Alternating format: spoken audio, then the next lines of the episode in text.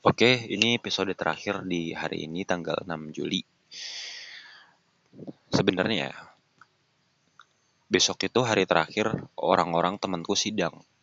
Tanggal 7 Juli. Kalau kamu mau wisudanya Agustus. Kenapa? Karena mepet untuk yudisium. Takut waktunya nggak cukup. Itu. Dan aku udah sidang satu bulan yang lalu, tanggal 7 Juni. Dan ini tinggal nunggu nilai nih.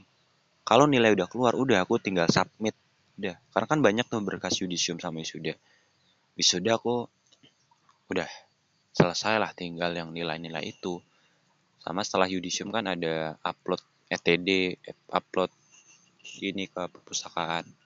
Udah itu pokoknya kalau setelah yudisium itu udah tinggal gaspol lah, udah jalan tol lurus. Aku nggak perlu minta-minta lagi, udah tinggal bisa diurus lah dari sekarang. Oh paling iuran sih yang belum ada uangnya. Insya Allah aku bakal wisuda Agustus nanti, yudisium bulan Juli, karena aku udah merencanakan nih dari jauh, oh ini aku harus sidang tanggal segini biar nanti ada waktu. Soalnya aku tipikal orang yang nggak bisa buru-buru gitu. Aku tipikal orang yang tenang jadi harus butuh waktu yang lama. Dan paling aku mau bicara life balance, keseimbangan hidup.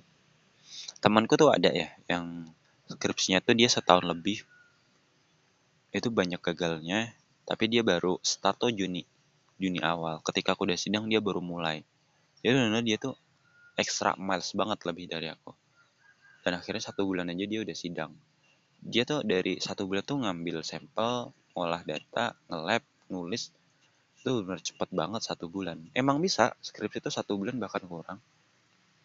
Tapi kamu banyak yang dikorbankan terutama kesehatan. Itu kalau kamu kebiasaan kayak begitu lama kelamaan kamu bakal mati. Serius. Ada loh mahasiswa ITB ya kan? Ada kasusnya. Itu cepet banget ngerjain skripsi tapi endingnya mati.